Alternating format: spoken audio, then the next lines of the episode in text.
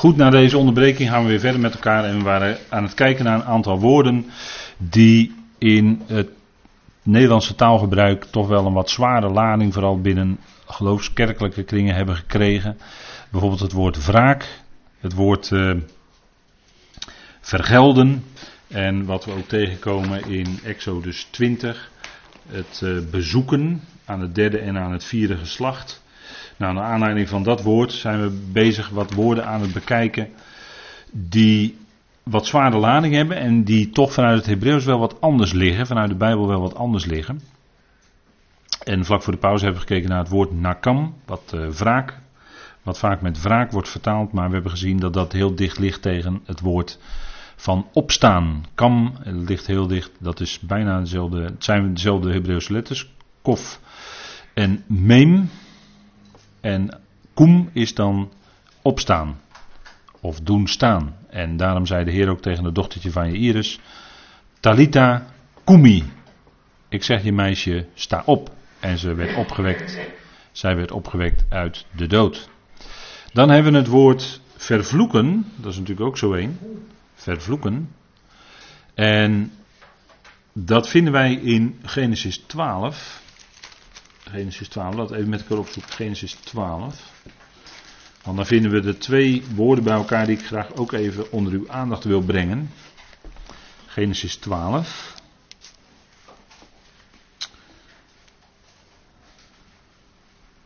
De bekende woorden aan Abraham, de verbondsluiting in feite. Genesis 12 en dan lees ik met u even vanaf vers 1. De Heere nu zei tegen Abraham: Ga uit uw land, uit uw familiekring en uit het huis van uw vader naar het land dat ik u wijzen zal. Ik zal u tot een groot volk maken, u zegenen en uw naam groot maken en u zult tot een zegen zijn. Ik zal zegenen wie u zegenen en wie u vervloekt zal ik vervloeken. En in u zullen alle geslachten van de aardbodem gezegend worden. Nou, hier komen we in één zin twee keer het woord vervloeken tegen. En wie u vervloekt zal ik vervloeken. En daar vinden wij verschillende Hebreeuwse woorden. Allereerst het woord uh, kalal. Kalal. Dat betekent eigenlijk licht maken. Licht maken. Dus um, minder gewicht aan toekennen. Betekent dat. Je kunt veel gewicht toekennen en dan vind je iets heel belangrijk. Hè? Aan iets of iemand kun je veel gewicht toekennen. Maar je kunt ook iemand door je woorden veel lichter maken. Dus een beetje bespottelijk maken of belachelijk maken. En daardoor wordt het ineens licht en verliest die persoon zijn, uh, zijn zwaarte. Dat is het eerste woord. En wie u vervloekt, dus wie Abraham en zijn nageslacht vervloekt, kalal, maar dat betekent eigenlijk licht maken. Dus degene die Abraham en zijn nageslacht lichter maakt, dat we zeggen um, veel, veel minder zwaar dan werkelijk is. En dat geldt natuurlijk dan ook voor het volk Israël. In het verlengde daarvan. Als je dat licht maakt, dan zegt de Heer, dan zal ik jou, dan zal ik vervloeken. En dat woord vervloeken is in het Hebreeuws het woord arar. En dat is eigenlijk wel een bijzonder woord, want het woord rar of rur is in het Hebreeuws eigenlijk speeksel. En dan zou je kunnen zeggen, nou, van, daarvan afgeleid is op iemand spugen, dat wil zeggen iemand vervloeken. Het woord speeksel. Maar het is niet alleen raar of roer, maar er staat een alef voor. En dan wordt het anders. Dan wordt het anders. Alef is de letter van God. Alef is de 1, de eerste letter van het Hebreeuwse alfabet. Het is de 1, de alef, de, letter van God. En dan krijgt dat toch een, ander, een andere invulling. Vervloeken, ja, ja. Het is eigenlijk, het heeft dus eigenlijk te maken met speeksel. En denk u maar eens om wat die blinde gebeurde in Johannes 9. De Heer nam speeksel uit zijn eigen mond en hij vermengde dat met de aarde. En hij steekt dat op zijn ogen en hij ging weer zien.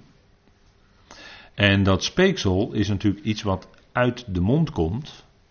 En denk omdat dat, dat, dat, dat je echt op die manier naar, die, naar deze dingen uh, moet kijken.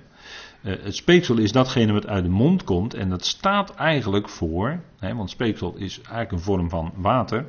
Maar dat komt uit de mond. En dat staat eigenlijk als het, als het om God gaat. staat het natuurlijk eigenlijk voor dat woord van God wat uit zijn mond uitgaat. Dat is misschien een hele wonderlijke gedachte. Maar als je dus kijkt wat de Heer daarin symbolisch doet bij die blinden, en dat die blinde daardoor weer gaat zien, dan, en je past dat dan in, je past dat beeld helemaal toe, dan ga je dus geestelijk zicht krijgen door de woorden die God spreekt. Door dat woord, en water is altijd een type ook van het woord van God, door dat water, dat woord wat uit zijn mond uitgaat. En daardoor ga je weer zien. Ga je de dingen zien zoals ze werkelijk zijn. Daar wordt je geestelijke verblinding door opgeheven. En dat is natuurlijk wat in die geschiedenis, of in ja, wat, wat gebeurde met die blindgeborene, dat zit daar eigenlijk ten diepste in. Hè? Letterlijke blindheid werd door de Heer opgeheven. Maar wat nog veel belangrijker is, geestelijke blindheid wordt door de Heer opgeheven. En dat doet hij in beide gevallen door datgene wat uit zijn mond uitgaat.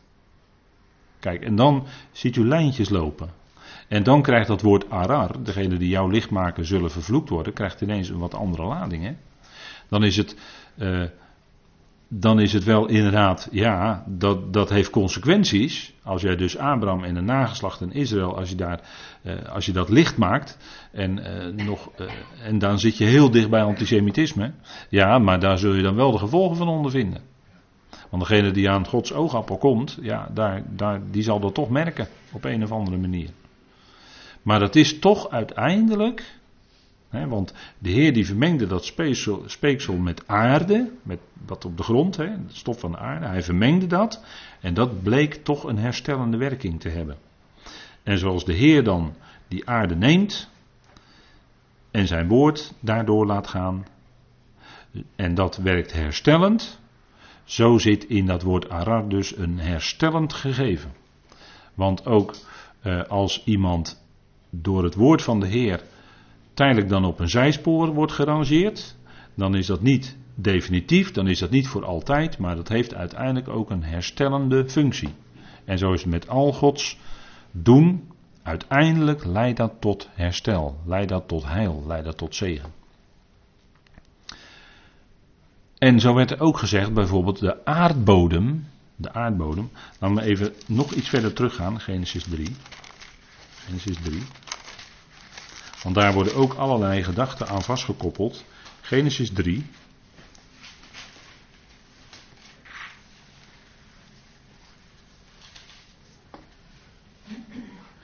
En dan vers 17, er wordt iets ook met dat woord vervloeken gedaan.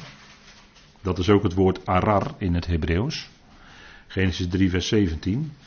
En tegen Adam zei hij, omdat u geluisterd hebt naar de stem van uw vrouw en van die boom gegeten hebt, waarvan ik u gebood, u mag daarvan niet eten, is de aardbodem omwille van u vervloekt. Met zwoegen zult u daarvan eten al de dagen van uw leven. Dorens en distels zal er voor u laten opkomen en u zult de gewas van het veld eten. Het, als je goed scherp leest, dan lees je hier niet dat de Heere op dat moment de aardbodem vervloekte, maar hij zegt alleen, de aardbodem is omwille van u vervloekt. Dat is het enige wat hij zegt. De aardbodem is vervloekt. En je zult met moeite, zul je eten, zwoegen, zware arbeid verrichten. En in het zweet van uw aangezicht, vers 19, zult u brood eten totdat u tot de aardbodem terugkeert, omdat u daaruit genomen bent.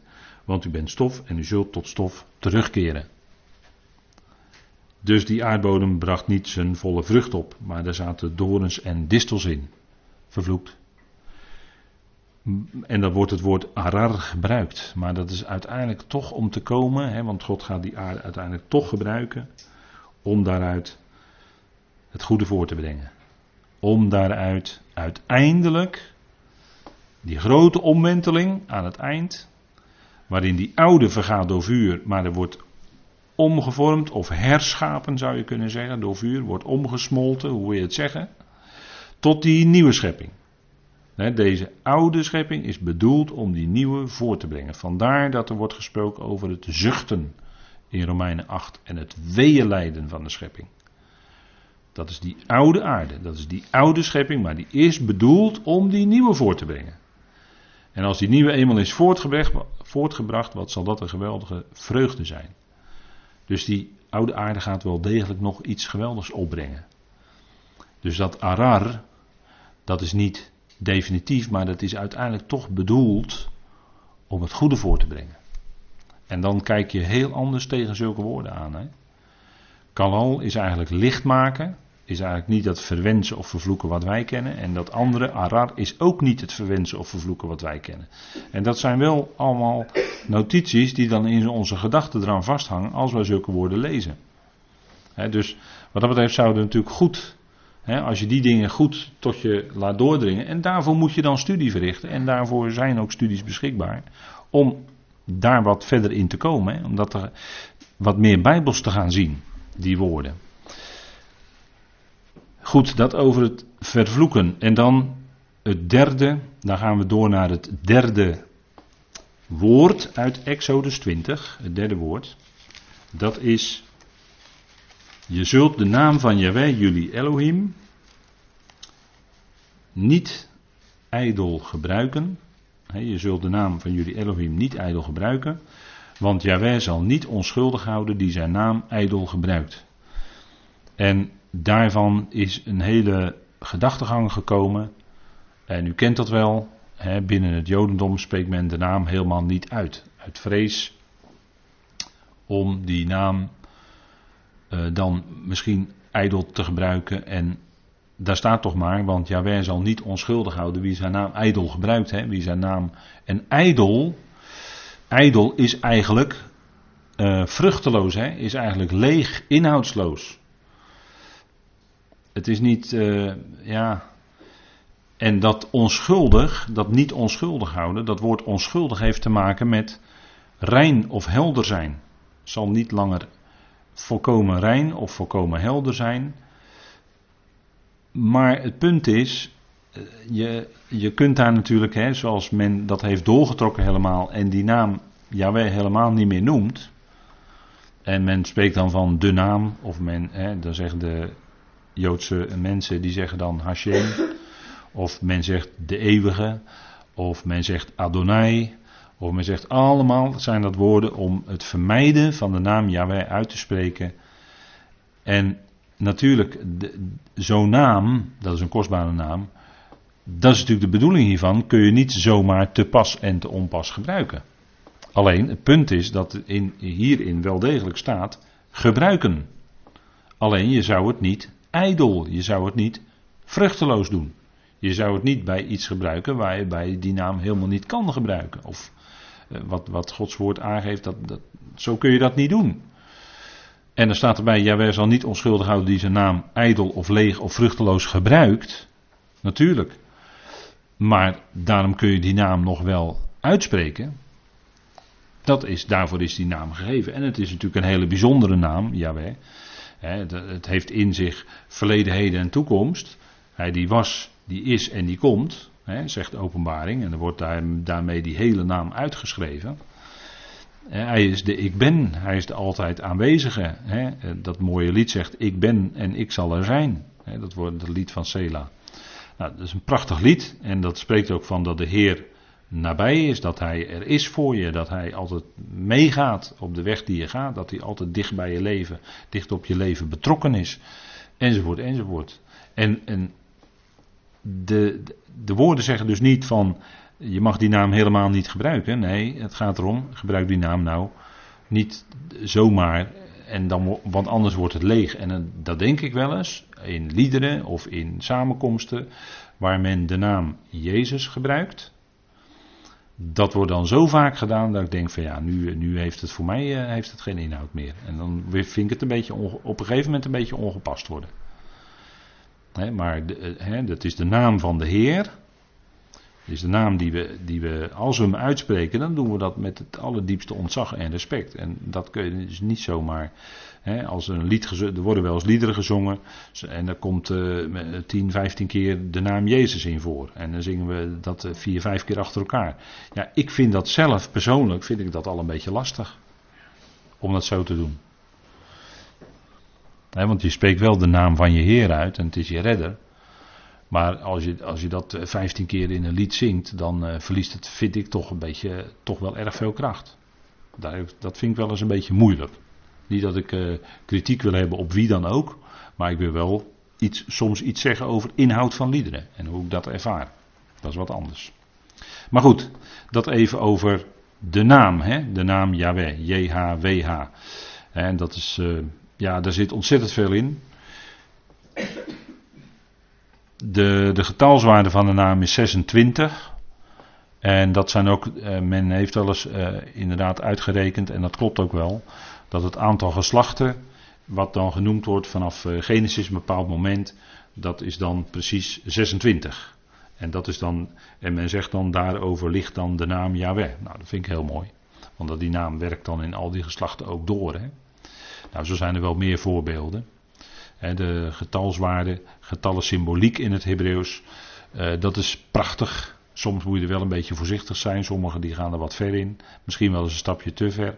Maar er zit wel prachtige, prachtige symboliek zit erin. De Hebreeuwse letters zijn eh, het waard om te bestuderen. JHWH, de J, de He, de Waf en de He. De Waf is de haak. Dat is de, vanaf eh, rechts gezien is dat de derde letter, de Waf. En dat is eigenlijk de verbinding. Dat is ook de, de letter die bij de mens hoort. Hè? Het is de mens die de verbinding eigenlijk vormt tussen God en de aarde. En dat wijst natuurlijk voor ons op de mens met een hoofdletter bij uitstek, de Heer Jezus Christus. Hè, die de verbinding is tussen God en mens. Maar de haak, de, de waf is de haak. En die vind je ook heel veel in het Hebreeuws terug. Als je Hebreeuws leest, dan het verhalende, dat is, dat is eigenlijk voor ons heel saai, want dat is heel vaak de letter waf. En dan moet je eigenlijk gewoon vertalen met en. Maar je ziet dan in vertalingen dat men vertaald heeft met want en met allerlei andere voegwoorden om het een beetje mooi leesbaar te maken, mooi Nederlands te maken.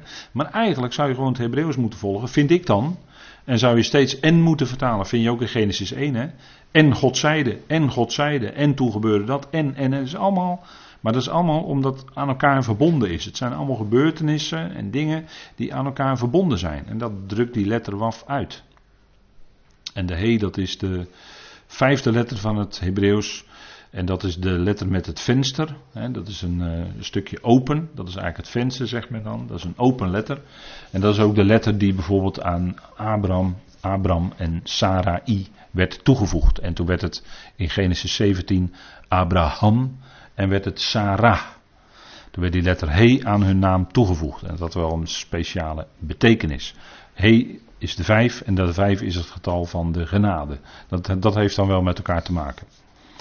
Maar vijf, de vijf heeft ook eigenlijk te maken nog een stapje hoger met uh, God die vanuit het verborgene spreekt en zich dan bekend maakt en dan ook verborgenheden bekend maakt. Daar heeft de vijf of de letter He ook mee te maken. Vandaar die opening zo naar binnen toe.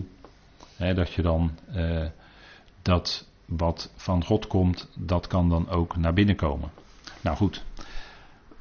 Dat genoeg over de naam. We gaan even verder naar de verdere dingen die gezegd worden in Exodus 20. En dan hebben we het voorschrift van de Shabbat. Die is vandaag om vijf over vier officieel begonnen. Althans hier in Nederland. daar heb ik, ik heb een kalender en er staat dan elke keer op precies wanneer de tijdstip wanneer de Shabbat begint en wanneer de Shabbat eindigt. dat, is een, uh, dat is hele leuke kalender, staan alle Joodse feesten en zo op. Nou, vandaag uh, werd het vroeg donker, dus de Shabbat begint bij zonsondergang. En die eindigt bij zonsondergang de volgende dag. Dus daar begint de Shabbat. En misschien is het toch wel aardig om even op te merken dat een, een dag volgens de Bijbel begint niet s'avonds, maar die begint s'morgens. Als het licht wordt, dan begint de dag. Want als we in Genesis 1 lezen, Genesis 1 vers 3 of 4, en daar staat er, en God noemde het licht dag. God noemde het licht dag. Dus, bij, dus als het licht wordt, dan begint de dag. Volgens Genesis 1, hè? En de uitzondering daarop is dan de Shabbat, die begint bij zonsondergang en die eindigt bij zonsondergang. Dat is de uitzondering. En in de loop van de tijd heb ik wel eens gemerkt dat mensen daar een conclusie uit hebben getrokken dat dus een dag altijd bij zonsondergang begint. Maar dat is dus volgens de schrift denk ik toch dat het niet zo is. De uitzondering is juist de Sabbat. Het Sabbatvoorschrift dat is de zevende dag en dat staat in vers 8 van uh, Exodus 20. Laten we even met elkaar lezen. Gedenk de Sabbatdag dat je die heiligt. Zes dagen zul je arbeiden en al je werk doen. Maar de zevende dag is de Sabbat van de Heere jullie God. Dan zul je geen enkel werk doen, u, nog je zoon, nog je dochter, nog je slaaf, nog je slavin, nog je vee, nog je vreemdeling die binnen je poort is. Want in zes dagen heeft de Heer de hemel en de aarde gemaakt, de zee en al wat erin is, en hij rustte op de zevende dag. Daarom zegende de Heer de Sabbatdag en heiligde die. Het punt is dat de zevende dag, er wordt nog ook wel eens gezegd, je hebt ook zevende dags Adventisten, die bestaan in Nederland. En die houden de Sabbat dus. Maar, en er zijn er uh, heel wat mensen die dat doen. Maar de zevende dag, en dan zegt men ja, dat is een uh, scheppingsgegeven. Want als je dan zegt van ja, maar de Shabbat was eigenlijk aan Israël gegeven als rustdag. En dan zeggen ze nee, dat is een scheppingsgegeven. En dat is toch niet helemaal juist. Want er staat wel hier dat de Heere de hemel en de aarde gemaakt heeft, de zee en al wat erin is. Maar dan moeten we scherp lezen. Hè? In zes dagen. En vele christenen die zeggen dan dat de Heere in zes dagen de aarde en de hemel geschapen heeft. Maar dat staat er niet hè, hier. Staat niet. Staat niet. In zes dagen heeft de Heer de hemel en de aarde gemaakt. Er staat er in het Hebreeuws het woord aza. En dat betekent doen of maken. En niet scheppen, want dan had er bara moeten staan. Dan had er bara moeten staan. Bereshit, bara, dus dat is Genesis 1 vers 1. In begin schiep God de hemelen en de aarde. Dat was de schepping, Genesis 1 vers 1. En daarna is er een nederwerping geweest. En dan krijg je duisternis, woestheid en ledigheid. En allemaal ongein, om het zo maar te zeggen, op zijn Jiddisch. Maar hier wordt gezegd dat in zes dagen heeft Yahweh de hemel en de aarde gemaakt, gedaan. Dat wil zeggen, dat was het herstelwerk. Dat heeft hij gedaan in zes dagen. Dat lezen wij in Genesis 1. En daarom altijd die controverse tussen de wetenschap en de mensen die de Bijbel voorstaan. Van ja, jullie zeggen allemaal dat de, de Heer in zes dagen die, uh, die hemel en die aarde heeft geschapen. Ja, dat, dat is ook niet zo. Dat was een herstelwerk wat God deed. Hij herstelde wat geruineerd was, wat verwoest was geworden als gevolg van een gericht. Genesis 1 vers 2. Woestheid, ledigheid en duisternis. Dat heeft hij in zes dagen hersteld. En dat is ook wat hier staat. Hij heeft ze gemaakt of gedaan, kun je ook vertalen. De zee en al wat erin is. En hij rustte, nee, dat staat er niet. God hoeft nooit uit te rusten hoor, echt niet. Dat is geen mens. God is geen mens dat hij zou moeten uitrusten. Hij stopte op de zevende dag. Toen was het herstelwerk gedaan. En toen stopte hij ermee. Maar hij rustte niet. Kom, kom, ga niet zeggen van God dat hij moet rusten. Hè? Want God zit nooit stil, God is altijd actief. God is altijd actief om zijn plan uit te werken. God is geest en geest is per definitie altijd actief bezig om dat plan wat hij ontworpen heeft uit te werken.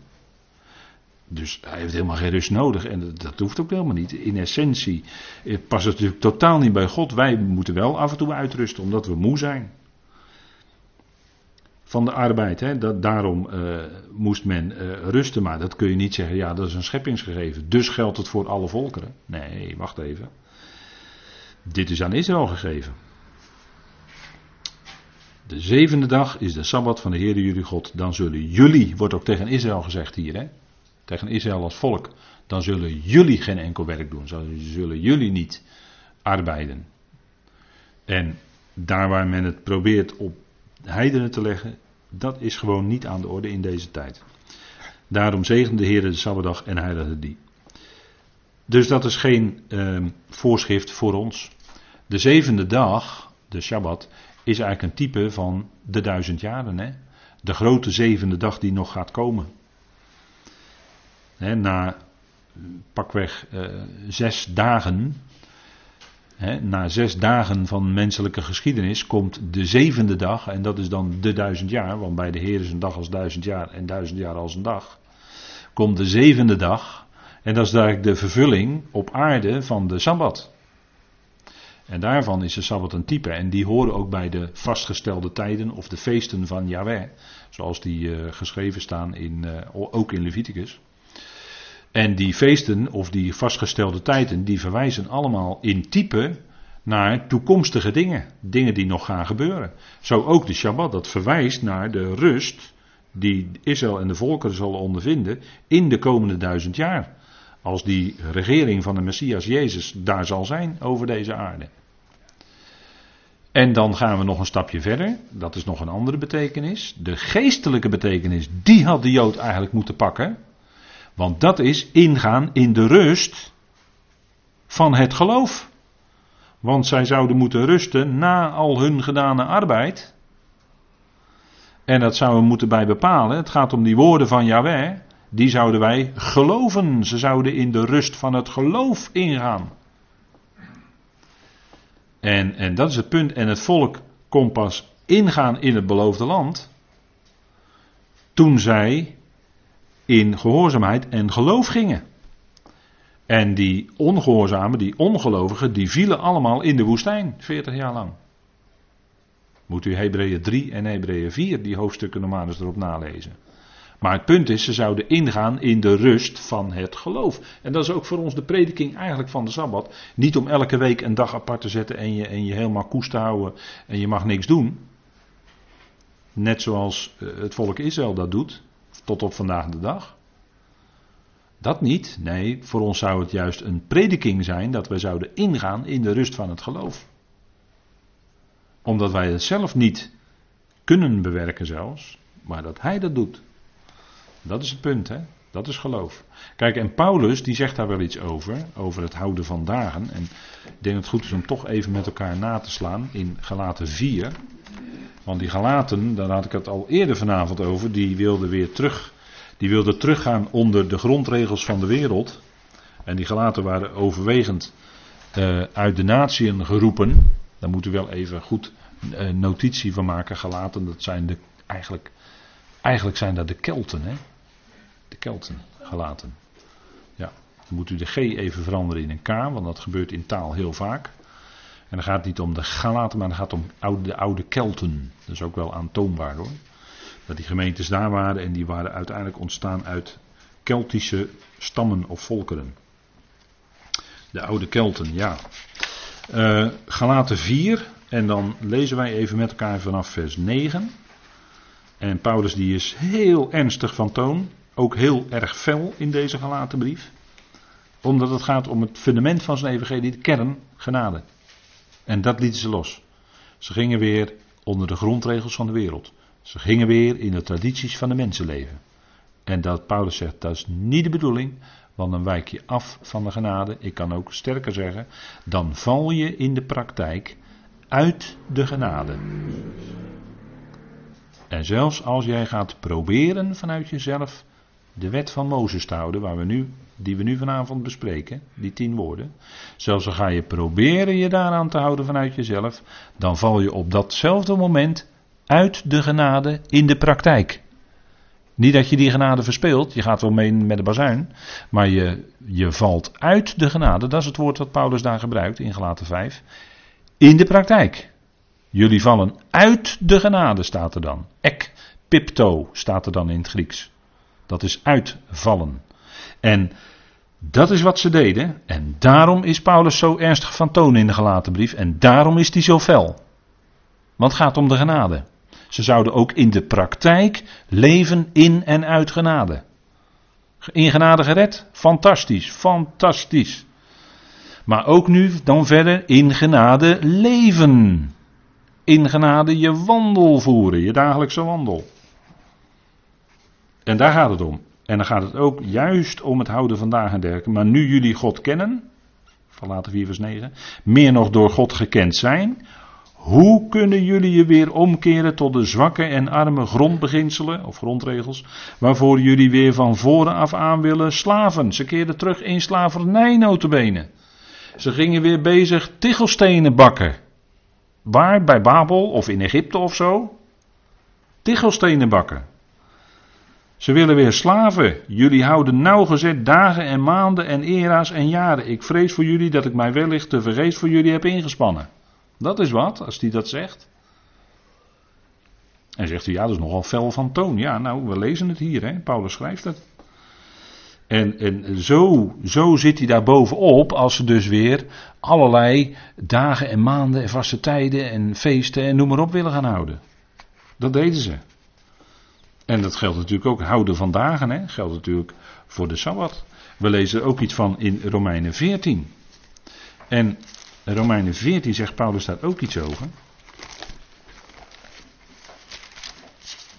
Maar, ik zeg u erbij, in Romeinen 14 is een toonzetting anders. Daar is die milder, veel milder van toon. Romeinen 14.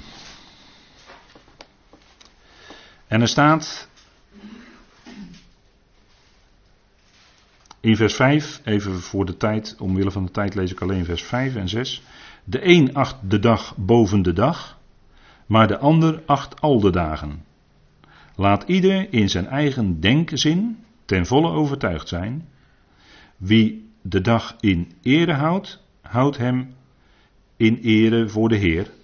En wie de dag niet in ere houdt, houdt hem niet in ere voor de Heer. Wie eet, eet voor de Heer, want hij dankt God. En wie niet eet, eet niet voor de Heer, en ook hij dankt God. Dus Paulus is hier veel milder van toon. Hij is lang niet zo fel als in de gelaten brief. En hoe komt dat nou? Dat komt omdat in die gemeente van Rome, daar waren heel wat Joodse mensen. En die hielden waarschijnlijk vanuit hun achtergrond, vanuit hun traditie, nog steeds de Shabbat. En daar ging Paulus veel milder mee om. Waarom? Omdat die vanuit hun traditie konden ze dat nog niet loslaten. En in de Galaten was het zo, die Galaten hadden dat losgelaten. Maar die waren vervolgens, en dat waren vrijwel allemaal mensen uit de natie, er waren maar heel weinig Joodse mensen bij. En die waren, en die werden gebracht notabene door judaïsten onder dat judaïstische systeem. En vandaar dat Paulus daar heel fel op is. Maar als het gaat om Joodse mensen die vanuit hun achtergrond nog steeds de Shabbat houden en heel veel moeite hadden om dat los te laten, daarvoor zegt hij: oké, de een die acht wel de dag boven de andere. Goed, als je doet om de Heer, prima. Als je niet de dag, als je al de dagen acht, hè, je acht alle dagen gelijk, ook prima als je doet om de Heer. Dus daar is hij veel milder van toon. Maar dat, dat komt omdat het die achtergrond heeft. Want als we kijken, en dan, dat is dan de derde, uit, in Colossense 2, daar zegt hij er ook iets over. En ook daar is hij weer heel fel, maar die kolossen, dat lag ook in dat Galatische gebied, hè. Dat lag ook daar in dat wat we tegenwoordig kennen als Aziatisch Turkije. Maar daar lag ook de plaats Kolosse in. Dat, was ook, dat hoorde dus ook bij die Galaten. En vandaar dat hij daar ook heel scherp is in Colossense 2, vers 16. Dan zegt hij: Laat dan niemand jullie richten in zaken voedsel of drank, of details van een feest, of van nieuwe maan, of van sabbaten. Dan noemt hij het woord zelfs expliciet, hè? Dan noemt hij expliciet. Hij zegt: Laat niemand jullie richten. Laat er niemand komen die als uh, jullie gaat leren van ja, je moet, die, je, moet, uh, je moet je aan die feesten gaan houden. Je moet je aan de voedselvoorschriften van, van uh, de Torah gaan houden. Je moet je aan die feesten van de Torah gaan houden. Daar moet je aan meedoen. of een nieuwe maan of sabbatten. Zijn al, dat zijn allemaal dingen die met Israël te maken hebben. Maar Paulus zegt ervan in vers 17: die een schaduw zijn van hetgeen op het punt staat te komen. Het lichaam echter is van de Christus. En daar draait het om. Hij is de vervulling van al die typen en schaduwbeelden. En die vervulling, die kennen wij. En daarom zouden we ons niet langer bezighouden met die schaduwbeelden. Want dan draai je de tijd gewoon terug. En daarom zegt Paulus dat ook hier heel fel in Colossense. En dan zegt hij: Laat niemand als scheidsrechter tegen jullie optreden in nederigheid, Eigenlijk gebruikt hij dat hier ironisch, hè, in nederigheid, dus zogenaamde nederigheid. En het ritueel van de boodschappers en wat hij gezien heeft. Hè, dus eh, er komen dan mensen die zeggen: Ja, nee, ik, eh, de Heer heeft me dit en dat laten zien enzovoort. U kent dat taalgebruik wel. Voor de schijn paraderen wil, opgeblazen door zijn vleeselijke denkzin. Daar komt het vandaan. En daarmee komen predikers en die komen vroeg of laat langs en die willen je dan allerlei dingen opleggen. En dan moet je daarin meegaan. En dan zegt Paulus tegen zulke, let op, laat niemand als scheidsrechter tegen jullie optreden. Nee, het gaat om wat geschreven staat. Het gaat om het woord wat Paulus brengt. Het gaat om die genade. En dan ben je vrij van welk ritueel dan ook. Dan hoef je niet aan allerlei voorschriften van dagen en feesten enzovoort te gaan houden. Nee, laat dus niemand tegen jullie als scheidsrechter optreden en voor jullie laten beslissen dat. Nee, Gods woord is beslissend. Want het zijn mensen met een vleeselijke denkzin. En zich niet, en daar gaat het om, hè, dan komt, dan komt de, de aap uit de mouw, zeg maar. En zich niet houdend aan het hoofd. Uit wie het hele lichaam door voedselopname en banden onderhouden verenigd groeit volgens de groei van God. Ze houden zich niet aan het hoofd, ze houden zich niet aan Christus. En wat Christus bekend maakt. En dat is heel duidelijk in de brief van Paulus. Zijn onderwijs is heel duidelijk, luid en duidelijk zelfs. Hij maakt bekend hoe het voor deze tijd zit, wat het lichaam van Christus is. En dat, dat, is, dat, is, dat is helemaal vrij van elk ritueel dan ook. We hoeven niets in acht te nemen. We zijn helemaal, wat dat betreft, helemaal vrij in Christus. Want anders zou het je weer in slavernij terugbrengen. Dat hebben we net gelezen in de gelaten brief. De, en, ook dat hoort bij de rust van het geloof. We hoeven niet opgejaagd te worden van nu moeten we weer dit gaan vieren, nu moeten we weer dat gaan doen en nu moeten we dat weer mee, uh, mee uh, in meegaan en dan moeten we dat, uh, dat in acht nemen. Nee, dat brengt alleen maar onrust, brengt alleen maar onvrede, maak je moe. Dus steeds maar moeten. Ik heb, ik heb het op diverse momenten echt mensen die eruit zijn gekomen, heb ik horen zeggen, we werden steeds maar moe, moe. Want we moesten zoveel. We moesten elke keer maar dan weer dit en dan weer dat. En, en zo, werd, zo werd er met ze gesold op een gegeven moment. En daar werden ze zo moe van. Ja, dat is logisch.